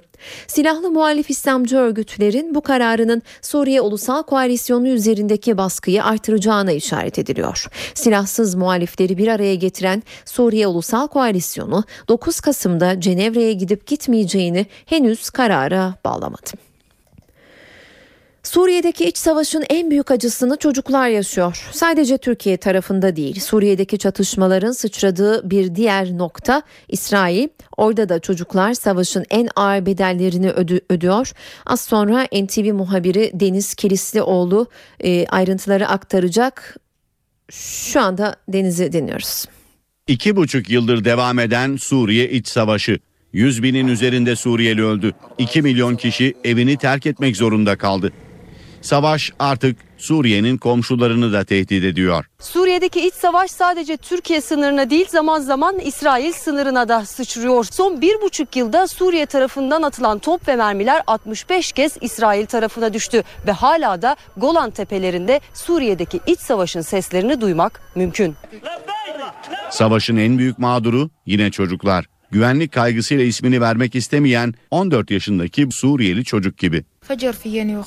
Kardeşimle birlikte kamyoneti kullanıyordum. Mayına çarptık. Bacağımı kaybettim. Kolumda da yaralar açıldı. Bir buçuk ay önceydi. 12 yaşındaki kardeşimle birlikte buraya getirildik. Bacağı kesildi, 4-5 ameliyat geçirdi. Protez takılacak bacağına. Şu anda yürüyemiyor. Bombalar nedeniyle kolunda yaralar açılmış. Onları tedavi ediyoruz. İsrail'in sınırına en yakın tek hastane olan Legacy Heritage Neonatal Hastanesi'nde geçen Şubat ayından bu yana 144 Suriyeli tedavi edildi. Bulgaristan Türkiye sınırında inşasına başlanan tel örgünün Şubat ayında biteceğini duyurdu. Savunma Bakanı Angel Naydenov geçen hafta tel örgünün çekileceği alanın ve bu alana giden yolların düzenleme çalışmalarının başladığını hatırlattı. Bulgaristan Bakanlar Kurulu 16 Ekim'de Türkiye sınırının Elhovo bölgesine 30 kilometre uzunluğunda 3 metre yüksekliğinde bir tel örgü örülmesi kararını onaylamıştı. Bulgaristan tel örgüyle kaçak girişlerin önüne geçmek istiyor. Suudi Arabistan'da otomobil kullanma yasağı protesto ediliyor. Yasağın kalkmasını isteyen Suudi kadınlar hafta sonu uyarılara rağmen direksiyon başındaydı. Yasağa uymayan kadınlardan 14'ü gözaltına alındı. Suudi kadınlar eylemde. Otomobil kullanma yasağını protesto eden kadınlar direksiyon başına geçti. Din adamlarıyla polisin uyarılarına rağmen 60'tan fazla kadın otomobil kullanırken çektikleri görüntüleri internete paylaştı. Suudi Arabistan'da kadınlar otomobile ancak ailenin erkek üyeleriyle binebiliyor. Otomobil kullanmayı umuyorum. O zaman bir erkek olmadan eşime veya babama ya da şoföre bağlı olmadan istediğimi yapabilirim. Suudi Arabistan dünyada kadınların otomobil kullanmalarının yasak olduğu tek ülke. Bununla ilgili bir yasa bulunmamasına rağmen kadınlara ehliyet verilmiyor. Ülkede kadınların araç kullanmasına karşı çıkanların sayısı da az değil. Kadınların otomobil kullanmasını desteklemiyorum. Bir ailede 3 ila 5 kadın var. Kadınların araba kullanmasına izin verilirse tek araba yetmeyecek. Hafta sonu yasağa rağmen araç kullanan kadınların 14'ü gözaltına alındı. Eylemlerini sürdürmekte kararlı olan Suudi kadınlarsa yasağın kalkmasını umuyor. Rock müziğin önde gelen söz yazarlarından müzisyen Lou Reed 71 yaşında hayata veda etti. Gitar çalma tekniği, vokali ve besteleriyle özgün bir müzisyen olan Reed, Türkiye'de de konser vermişti. Var olmayan şeyler yapmak beni tatmin ediyor. Ben hep tutkunun peşinden giderim. Bu sözler rock müziğin efsane ismi Amerikalı şarkıcı, gitarist ve söz yazarı Lou Reed'e ait. Ünlü şarkıcı Lou Reed 71 yaşında hayatını kaybetti. Reed'e yılın başında karaciğer nakli yapılmıştı. Ancak sanatçının sağlık durumu bir süredir iyi değildi. Reed 60'lı yılların ünlü müzik gruplarından Velvet Underground'un lideriydi. Grup sanatçı Andy Warhol'un desteğiyle ünlendi. Ancak Reed daha sonra kariyerine tek başına devam etti. Lou Reed, rock müziğin son 50 yılına damgasını vuran en önemli isimlerden biriydi. Perfect Day adlı şarkısıyla kariyerinin zirvesine ulaştı. Gitar çalma yeteneği, vokali ve besteleriyle özgün bir müzisyen olan Reed, Türkiye'ye de gelerek konser vermişti. Eve dönerken spor gündeminde öne çıkan haberlerle devam ediyor. Fenerbahçe'de cevabı merakla beklenen soru yanıtını buldu. Aziz Yıldırım 3 Kasım'da yapılacak olağanüstü genel kurulda başkanlığa aday olduğunu açıkladı. Yıldırım adaylığını kulübün resmi internet sitesinden duyurdu. Aziz Yıldırım Cuma günü saat 14'te Faruk Ilgaz tesislerinde bir basın toplantısı düzenleyecek. Bu toplantıda Fenerbahçe'nin geleceğine dair düşüncelerini ve hedeflerini anlatacak. Yıldırım'dan önce şu ana kadar Mehmet El Aydınlar, Hulusi Bengü ve Yamen Uzun adaylıklarını açıklamıştı. Spor Toto Süper Lig'in 9. haftasında Kayseri Spor'la Galatasaray karşı karşıya geldi. Galatasaray 3 puanı 4 golle aldı. Büyükşehir Belediyesi Kadir Has stadındaki maça iyi başlayan taraf Galatasaray'dı. Konuk ekip 14. dakikada Snyder'in attığı golle öne geçti. 25. dakikada Çedçu farkı 2'ye çıkardı. Ev sahibi Kayseri Spor ilk yarının son anlarında geri döndü. 44. dakikada Moşe penaltı golüyle farkı 1'e indiren Kayseri Spor 45. dakikada Jaja ile bir gol daha buldu ve devre 2-2 berabere tamamlandı. İkinci yarıda oyun dengeli geçti. Galatasaray 57. dakikada Burak Yılmaz'la golü buldu ve skor avantajını ele geçirdi. 74. dakikada Didier Drogba maçın skorunu belirledi. Galatasaray fin dişi sahilli Yıldız'ın serbest vuruştan attığı golle sahadan 4-2 galip ayrıldı. Kayseri Sporu deplasmanda 4-2 mağlup eden Galatasaray'da yüzler gülüyor. Teknik direktör Roberto Mancini maç sonrası yaptığı açıklamada hak ettikleri bir galibiyeti elde ettiklerini söyledi. Ligin sonuncu sırasında yer aldıkları için üzgün olduğunu söyleyen Prosneçki ise ilerleyen haftalarda çıkışa geçeceklerini ifade etti. Çok iyi mücadele ettik. Galibiyeti hak ettiğimizi düşünüyorum. Ancak rakibe çok pozisyon veriyoruz. Bu hataları yapmamamız lazım. Ancak henüz çok fazla birlikte çalışma imkanı bulamadık. İlk 30 dakika çok iyi oynadık. Oyun bitti diye düşününce, konsantrasyonu kaybedince hatalar oldu. Eğer atmanız gereken golleri atmazsanız rakibiniz atar ve sizi yakalar. Fazla gol atacaksınız ve az gol yiyeceksiniz. Önemli olan bu. Biz golü atıyoruz ama yememe konusunda eksiklerimiz var. Bu mağlubiyetle ligin sonuncu sırasına yerleştik. Taraftarlarımıza bunu yaşatmak üzücü. 2-0'dan sonra Galatasaray gibi kaliteli bir takım karşısında 2-2'yi bulmak önemliydi. Galatasaray iyi bir takım. Nasıl oynaması gerektiğini iyi biliyor. Oyuncularımı mücadelelerinden dolayı tebrik ediyorum. Böyle bir oyuncu grubuna sahip olmaktan da gururluyum. Sakat futbolcuların dönmesiyle birlikte ilerleyen haftalarda daha iyi bir takım olacağız. Kayseri Spor maçının ardından açıklamalarda bulunan Galatasaraylı yönetici Emir Sarıgül, 108. kuruluş yıl dönümlerini kutladıkları haftada gelen 3 puanın mutluluğunu yaşadıklarını söyledi. Galibiyet serisini sürdürmek istediklerini ifade eden Sarıgül, Şampiyonlar Ligi'nde de yollarına emin adımlarla devam ettiklerini belirtti. Tabii ki bu hafta bizim için çok anlamlıydı. Bu hafta Galatasaray'ın kuruluşunun 108. yılı ve bu hafta 3 puanla e, yolumuza devam etmemiz bizi ayrıca gururlandırdı ama hepimiz bugün bir kere daha gördük ki futbol konsantrasyon ve 90 dakika dikkat gerektiren bir müsabaka. İlk 30 dakika çok iyi oynayan bir Galatasaray 30 dakika 2 gole ulaştık. Sonrasında 2 dakika içerisinde dikkatin ve konsantrasyonun dağılması neticesinde yediğimiz 2 gol ama ikinci yarı tekrar aynı şekilde dikkatimizi ve konsantrasyonumuzu sahaya yansıtarak attığımız 2 gol.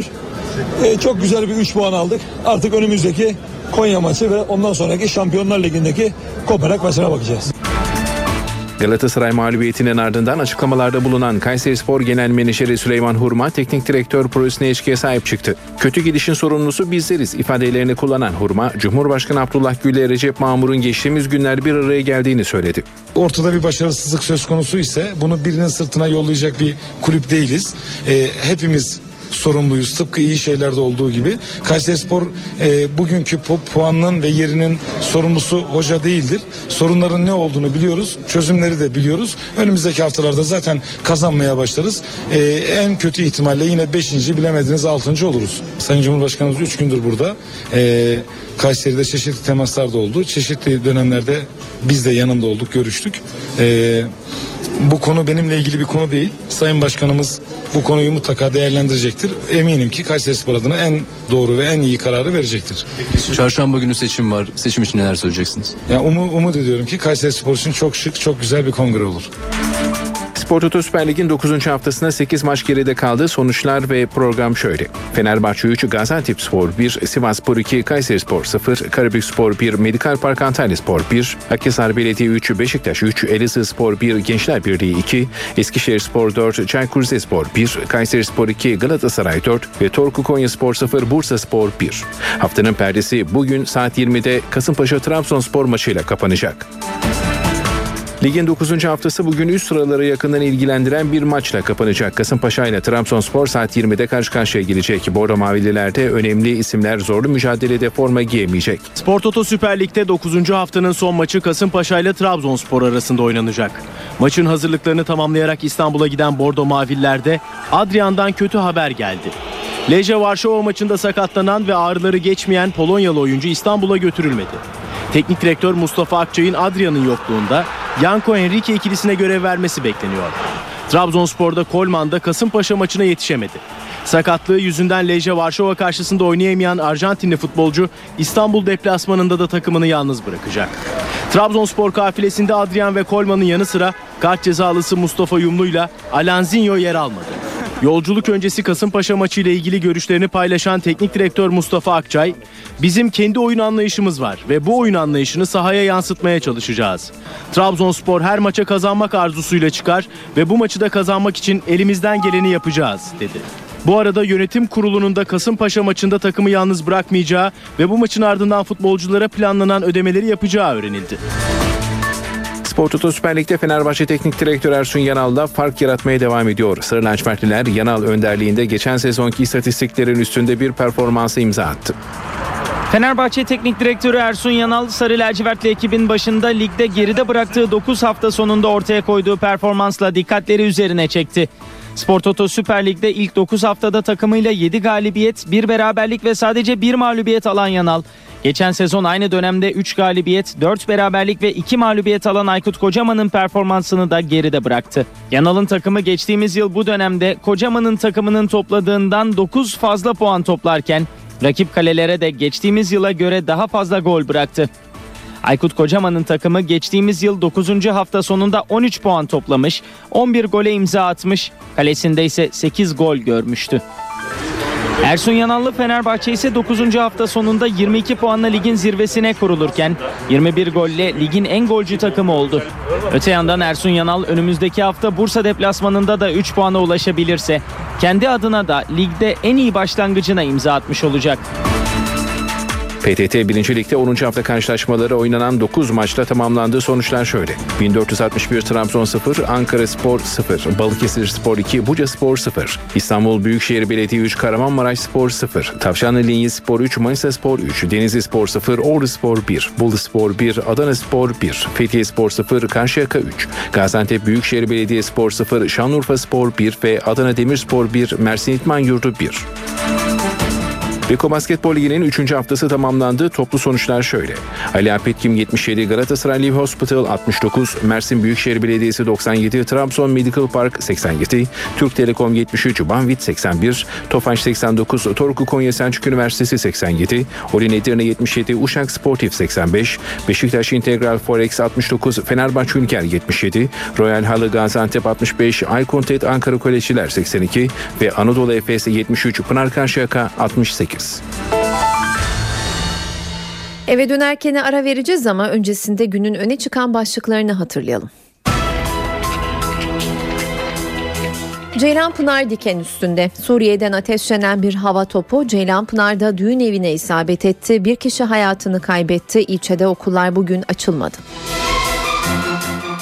İstanbul'un iki yakasını denizin altından bir araya getiren Marmaray yarın Cumhuriyet Bayramı'nda açılacak. Ulaştırma Bakanı Binali Yıldırım Marmaray'ın deprem anında evlerden daha güvenli olduğunu söyledi.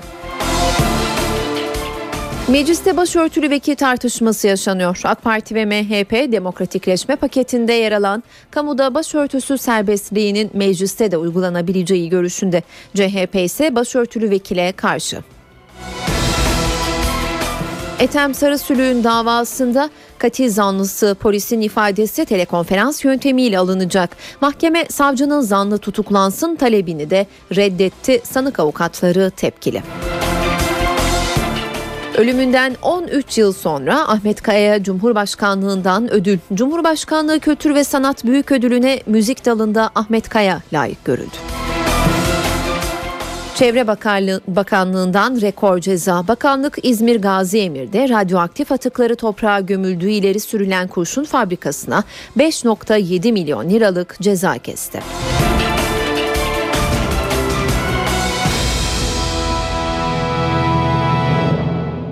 Saat 19 ben Öykü Özdoğan eve dönerken de gelişmeleri aktarmaya devam ediyoruz. Milli Güvenlik Kurulu toplantısı sona erdi. Zirvede çözüm süreci Suriye ve Orta Doğu'daki son gelişmeler değerlendirildi. Ayrıntıları NTV muhabiri Özden Erkuş'tan alacağız. Özen yazılı açıklamada neler dendi? 3 saat sürdü toplantı ardından da bir yazılı açıklama yapıldı. Yüksek Askeri Şura'da kuvvet komutanlıklarına atanan isimlerin ilk kez katıldığı toplantının ardından yapılan açıklamada halkımızın huzur ve güvenliğini temin amacıyla yürütülen faaliyetler görüşülmüş. Bu kapsamda ilave olarak alınması gereken tedbirler değerlendirilmiştir denilerek çözüm sürecine atıfta bulunuldu. Açıklamada ayrıca Suriye'de devam eden çatışma ortamının ülke güvenliği ve bölge güvenliği açısından oluşturduğu tehditlerin ele alındığı, Türkiye'ye sığınan Suriyelilerin ihtiyaçlarının karşılanması amacıyla yürütülen çalışmaların incelendiği belirtildi. MGK açıklamasında Orta Doğu ve Kuzey Afrika'daki önemli siyasi gelişmelerin ve Orta Doğu barış sürecinin de değerlendirildiği aktarıldı.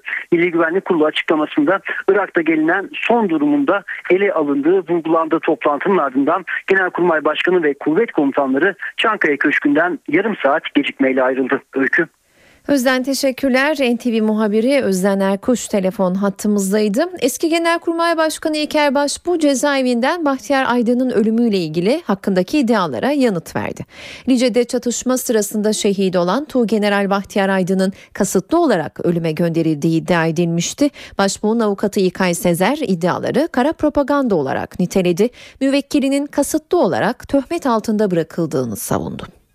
Lice'de 22 Ekim 1993'te meydana gelen ve Diyarbakır Jandarma Bölge Komutanı Tuğgeneral Bahtiyar Aydın'ın ölümüyle sonuçlanan olaylara ilişkin eski Genelkurmay Başkanı İlker Başbuğ'un avukatı İlkay Sezer'den açıklama geldi. Sezer, Aydınların şehit edildiği olayın kurgu olduğu ve emri Başbuğ'un verdiği yönündeki iddiaları yalanladı. Başbuğ'un hayati tehlikeyi göze alarak Lice'ye gittiğini hatırlattı. Olay sırasında Şenyayla bölgesinde devam eden operasyonu takip eden müvekkilim İlker Başbuğ, Tuğgeneral Bahtiyar Aydın'ın vurulduğunu öğrenince Lice'ye geçmiştir. Helikopter yoğun ateş altında güçlükle çatışma bölgesine inebilmiştir. Kor General Hasan Kundakçı ve o dönemde tüm general olan müvekkilim ateş altında sıçrayarak en yakın mevziye girebilmişlerdir. İddiaların karalama kampanyası olduğunu belirten İlkay Sezer, Başbuğ'un kasıtlı olarak Bahtiyar Aydın'ı ölüme gönderen kişi olarak gösterilmeye çalışıldığını vurguladı. Sezer mahkemelerin tavrını da sert bir dille eleştirdi. Mahkemeler eli kanlı teröristlerin ayağına kadar giderek günlerce tanık olarak ifadesine başvururken huzuruna gelen eski Genelkurmay Başkanı ve değerli Türk ordusu mensuplarını yasaları çiğneyerek dinlememektedir. Bu uygulamalarla belki mahkemelerde belirli bir mesafe alınabilir ancak Türk kamuoyunu inandıracak ve vicdanen kabul edilecek sonuçlara ulaşılamaz. Yarın 29 Ekim Cumhuriyet Bayramı. Devletin zirvesi bayram arefesinde mesajlarını yayınladı. Hem Cumhurbaşkanı Abdullah Gül hem de Başbakan Erdoğan 90. yıl mesajında demokrasi vurgusu yaptı. Son yıllarda gerçekleştirilen köklü reformlar özgürlükleri genişletirken toplum düzeninin temellerini de güçlendirmiştir. Cumhurbaşkanı Abdullah Gül'ün 29 Ekim Cumhuriyet Bayramı mesajında demokrasi vurgusu öne çıktı. Bundan sonra da sorunlarımızı adım adım giderek sıkıntılarımızı hızla aşacağımızdan şüphe duymuyorum. Başbakan Recep Tayyip Erdoğan da demokrasi olmadan cumhuriyet olmaz, demokrasi gelişmeden cumhuriyet gelişemez dedi. Cumhuriyetimizin kuruluş felsefesinde, kuruluş amacında bu topraklarda yaşayan hiç kimseyi ötekileştirmek, dışlamak, küçük görmek, aşağılamak yoktur. Bu cumhuriyet, bu vatan herkesindir, hepimizindir. Kamuoyu da sizlerin aracılığıyla Meclis Başkanı Cemil Çiçek, milletimiz farklılıklarını zenginliği kabul ederek birlik içinde başarıyla geleceği inşa edecektir dedi. Milliyetçi Hareket Partisi Genel Başkanı Devlet Bahçeli, Cumhuriyeti yıkmak için ortam kollayan miraklarla Cumhuriyet kutlamalarını krize dönüştüren kesimlerin aynı karanlık hedefe hizmet etmeleri çok acı bir durumdur dedi. Genelkurmay Başkanı Orgeneral Necdet Özel de mesajında üniformamızın onurunu korumaya, silahlı kuvvetlerimizi dünyanın en saygın ordularından biri olarak yaşatmaya devam edeceğiz ifadelerini kullandı. Türkiye seçim atmosferine girdi. Siyasi partiler adaylarını belirlemek için çalışmalara başladı. Aslında kriter belli. Aday adayının toplamda karşılık bulup partiye oy kazandırması amaçlanıyor. CHP Genel Başkanı Kemal Kılıçdaroğlu da bu şartı dile getirdi. Radikal gazetesine konuşan Kılıçdaroğlu, anketlerde bir aday adayı diğerlerine olağanüstü fark atmışsa o bizim adayımızdır dedi. CHP Genel Başkanı Kemal Kılıçdaroğlu, Şişli Belediye Başkanı Mustafa Sarıgül'ü bir kez daha CHP'ye davet etti. Radikal gazetesine konuşan CHP lideri bölünme lüksümüz yok mesajı verdi. Sarıgül başarılı ve sosyal demokrat biri ama CHP üyesi olmadığı için çok fazla yorum yapma hakkım yok. Bizim bölünme lüksümüz yok. Sadece Sarıgül için demiyorum. Türkiye Değişim Hareketi'yle de güçlerimizi birleştirmeliyiz. Kemal Kılıçdaroğlu son yerel seçimde İstanbul Büyükşehir Belediye Başkanlığı'na aday olduğunu hatırlattı. İstanbul için istediği aday kriterlerini anlattı. CHP lideri benim aldığım oyun üstüne çıkmak yetmez. Kazanacak adayı istiyorum dedi. Kılıçdaroğlu partisinin yerel seçim çalışmalarını değerlendirdi. Aday belirleme yöntemini anlattı. Anketlerde rakiplerine fark atanların belediye başkan adayı olarak belirlemekten yana olduğunu söyledi. 5 kişilik bir komisyon kurduk. Her biri seçim çevresini tek tek ele alıyor.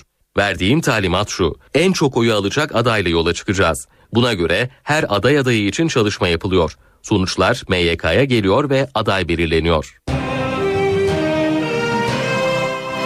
NTV Radyo Şarkılarıyla, söylemleriyle Türkiye'de önemli bir yeri olan Ahmet Kaya'ya doğum gününde Çankaya Köşkü'nden büyük ödül verildi. Ahmet Kaya 42 yaşında doğduğu topraklardan sürgüne gitmek zorunda kaldı ve orada öldü, sürgünde toprağa verildi. Onu vatan haini ilan edenler olsa da memleketinde şarkılarının dilden dile yayılması engellenemedi ve ölümünden 13 yıl sonra devletin en zirvesinden en büyük ödüle layık görüldü. Türkiye'nin popüler ve siyasi tarihine damgasını vuran isimlerden Ahmet Kaya yaşasaydı bugün 56. doğum gününü kutlayacaktı. Cumhurbaşkanlığı da bir jest yaptı. Ahmet Kaya'ya verdiği Cumhurbaşkanlığı Kültür ve Sanat Büyük Ödülünü doğum gününde açıkladı. Ahmet Kaya'nın müziği, yorumu ve söylemiyle farklı görüşlerden çok sayıda insanı bir araya getirdiği için bu ödüle layık görüldüğü duyuruldu. Araç sahiplerine bir uyarımız var sırada. 2011 Kasım ayı öncesinde kesilen trafik ve idari para cezalarını indirimli ve taksitli ödemek isteyenler için son başvuru tarihi 31 Ekim. Trafik cezası olanların aftan yararlanabilmesi ya da borcunu 3 taksitte ödeyebilmesi için 31 Ekim'e kadar borç bilgilendirme servisinden borç sorgulatması gerekiyor. Başvuru internet üzerinden ya da en yakın şubeden yapılabiliyor. Saat 19.12 gelişmeleri aktarmaya aktarmaya devam ediyoruz. Suriye için ikinci Cenevre konferansı öncesi barış umutları darbe yedi. Esad rejimine karşı savaşan Suriyeli İslamcı örgütler ikinci Cenevre konferansına karşı olduklarını açıkladı. 22 örgütün imza attığı bildiride Esad yönetiminin askeri ve güvenlik yapısıyla birlikte tasfiye edilmesini istendi. Bu yönde bir kararın alınmaması halinde Suriye krizine barışçıl çözümü hedefleyen ikinci Cenevre konferansından çıkacak sonucun kabul edilmeyeceği vurgulandı. Silahlı muhalif İslamcı örgütlerin bu kararının Suriye Ulusal Koalisyonu üzerindeki baskıyı artıracağına işaret ediliyor. Silahsız muhalifleri bir araya getiren Suriye Ulusal Koalisyonu 9 Kasım'da Cenevre'ye gidip gitmeyeceğini henüz karara bağlamadı. Umuda yolculuk bir kez daha faciayla sonuçlandı. Cezayir üzerinden Avrupa'ya gitmek için Sahra Çölü'nü geçmeye çalışan 35 Nijerli susuzluktan öldü. Batı Afrika ülkesi Nijer'den yola çıkan 60 kişilik grup Cezayir üzerinden Avrupa'ya ulaşmaya çalışıyordu. Grup ülkenin kuzeyindeki Agades kentinden iki araçla yola çıktı. Araçlardan biri yolda bozuldu. Araçtakiler küçük gruplara ayrılarak yardım aramak için çevreye dağıldı. Yetkililer durumdan günler sonra sonra haberdar oldu. 35 kişi susuzluktan hayatını kaybetti. Ölenler arasında kadın ve çocukların da olduğu belirtiliyor. Dünya Amerika Birleşik Devletleri'nin telekulak skandalıyla çalkalanıyor. Amerikan Ulusal Güvenlik Teşkilatı'nın Almanya'dan sonra İspanya'da uzandığı, İspanya'ya da uzandığı iddia ediliyor. İspanyol basınında yayınlanan belgeye göre Amerika sadece 29 gün içinde İspanya'da tam 60 milyon telefon görüşmesini dinlemiş. Dinleme skandalının boyutu gün yüzüne çıkan yeni bilgilerle her geçen gün büyüyor. Son olarak İspanya'da skandala dahil oldu. Amerikan Ulusal Güvenlik Teşkilatı'nın İspanya'da bir ay içinde 60 milyon telefon görüşmesini izlediği iddia ediliyor. İddia CIA çalışanı olan Edward Snowden'ın sızdırdığı belgelere dayandırılıyor. İspanyol basını 10 Aralık 2012'den 8 Ocak 2013'e kadar İspanyol vatandaşlarının telefon görüşmelerinin yanı sıra milyonlarca cep mesajı ve e-mailin de izlendiğini yazdı. İspanyol Dışişleri Bakanlığı Madrid'deki Amerikan Büyükelçisini iddiaları görüşmek üzere bakanlığa çağırdı. Dinleme skandalına İsrail İstihbarat Birimi Mossad'ın da karıştığı öne sürülüyor. Fransız basını dinlemelerin bir bölümünün Mossad tarafından yapılmış olabileceğini yazdı. Obama yönetimi ise kendisini skandaldan soyutlama çabasında. Almanya Başbakanı Merkel'in 2002'den beri dinlendiğinden Başkan Obama'nın haberdar olmadığı açıklandı. Obama yönetimi ve kongre üyeleri Ulusal Güvenlik Teşkilatı'nın faaliyetleriyle ilgili kendilerini yeterince bilgilendirmemesinden şikayetçi oldu. Gürcistan'da bir dönem sona erdi. Ülkede Gül devrimiyle başlayan ve 10 yıl süren Saakashvili dönemi kapandı. Cumhurbaşkanlığı seçimini iktidar partisinin adayı Georgi Margvelashvili kazandı. Gürcistan'da bir dönem kapandı. Mihail Saakashvili'nin 10 yıllık iktidarı sona erdi iktidardaki Gürcistan Rüyası Partisi'nin adayı Georgi Margvelashvili ülkenin yeni cumhurbaşkanı oldu. 44 yaşındaki Margvelashvili'nin seçilmesinde Başbakan Bidzina Ivanishvili'nin desteği etkili oldu. Benim için çok önemli biri olan dostum Bidzina Ivanishvili'ye teşekkür etmek istiyorum. Böylece başbakanlığın ardından Cumhurbaşkanlığını da elde eden Gürcistan Rüyası Partisi'nin iktidarı güçlenmiş oldu. 5 milyar 300 milyon dolarlık servetiyle ülkenin en zengin ve güçlü adamı olan Başbakan Ivanishvili, Şahakaşvili döneminin son bulmasıyla siyasetteki hedeflerini gerçekleştirdiğini söyledi. Önümüzdeki ay başbakanlıktan istifa edeceğini duyurdu. 10 yıllık iktidarında ekonomik reformları gerçekleştiren ve demokrasiyi güçlendiren Mihail Şahakaşvili ise zor günler bekliyor. Şahakaşvili'nin 2008'de Rusya ile 5 gün süren savaş ve 2005 yılında hayatını kaybeden eski başbakanlardan Zurab Zvaniya'nın ölümü nedeniyle yargılanabileceği belirtiliyor. Eve dönerkini bitireceğiz ama günün öne çıkan başlıklarını hatırlayalım. Ceylanpınar diken üstünde. Suriye'den ateşlenen bir hava topu Ceylanpınar'da düğün evine isabet etti. Bir kişi hayatını kaybetti. İlçede okullar bugün açılmadı. İstanbul'un iki yakasını denizin altından bir araya getiren Marmaray yarın Cumhuriyet Bayramı'nda açılacak. Ulaştırma Bakanı Binali Yıldırım Marmaray'ın deprem anında evlerden daha güvenli olduğunu söyledi. Mecliste başörtülü vekil tartışması yaşanıyor. AK Parti ve MHP demokratikleşme paketinde yer alan kamuda başörtüsü serbestliğinin mecliste de uygulanabileceği görüşünde. Ethem Sarısülük davasında katil zanlısı polisin ifadesi telekonferans yöntemiyle alınacak. Mahkeme savcının zanlı tutuklansın talebini de reddetti. Ölümünden 13 yıl sonra Ahmet Kaya'ya Cumhurbaşkanlığından ödül, Cumhurbaşkanlığı Kültür ve Sanat Büyük Ödülüne müzik dalında Ahmet Kaya layık görüldü. Çevre Bakanlığı'ndan rekor ceza. Bakanlık İzmir Gazi Emir'de radyoaktif atıkları toprağa gömüldüğü ileri sürülen kurşun fabrikasına 5.7 milyon liralık ceza kesti.